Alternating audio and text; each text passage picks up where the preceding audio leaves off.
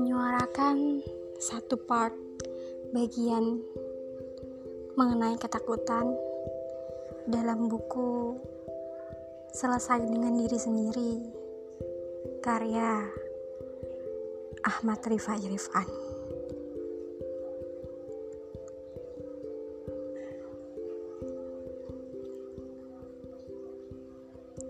Mengubah ketakutan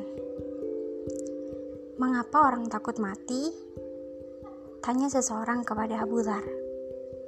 Abu Dhar lantas menjawab, karena banyak yang orang bangun dunianya, sementara menghancurkan akhiratnya.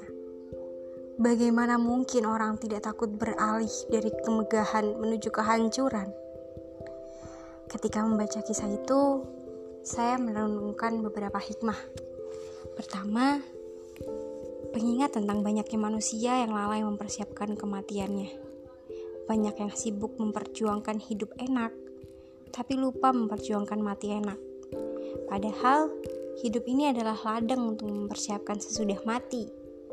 MH Inun Najib mengungkapkan, jangan mati-matian mengerjakan sesuatu yang tidak dibawa mati.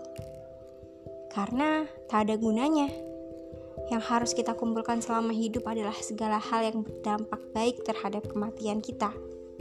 Untuk apa kita menimbun harta dengan jumlah yang berlimpah? Tetapi ujung-ujungnya saat kita tiada, harta itu tidak bermanfaat bagi kita. Untuk apa kita berpayah menabung harta di dunia, tetapi tidak bisa menyelamatkan kehidupan kita setelah kematian tiba? Maka Jangan sampai kita sibuk membangun dunia, tapi lupa mempersiapkan akhirat.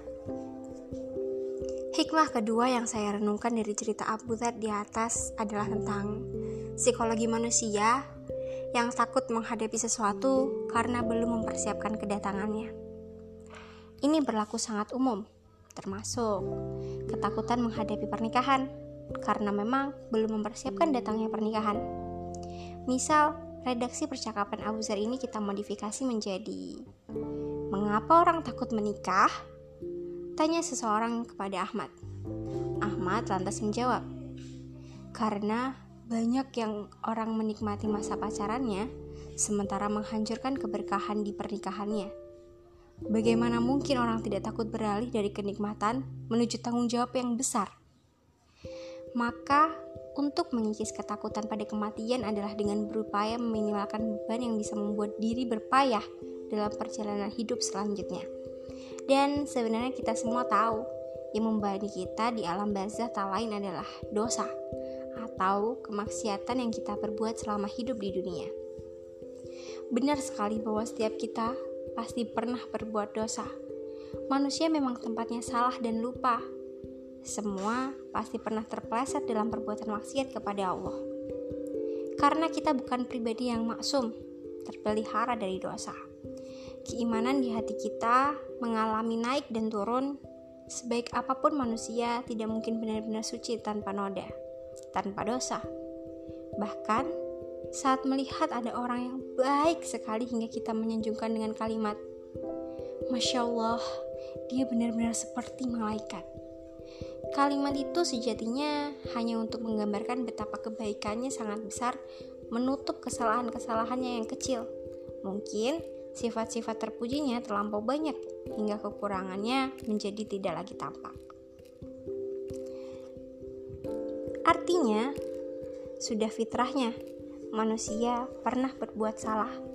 Sebagaimana Rasulullah bersabda, setiap anak Adam pasti pernah melakukan kesalahan dan sebaik-baiknya orang yang melakukan kesalahan adalah mereka yang mau bertaubat. Namun, meskipun demikian, kita juga diperintahkan untuk belajar agar tidak sampai terpeleset berkali-kali. Sebab, selain disertai dengan nafsu, manusia juga divisa manusia juga difasilitasi oleh Allah dengan akal.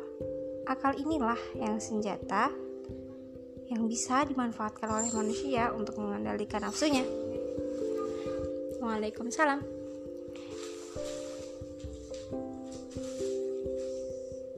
Artinya, hakikatnya manusia sudah diberikan kodrah atau kemampuan untuk menjauhkan diri dari perbuatan dosa.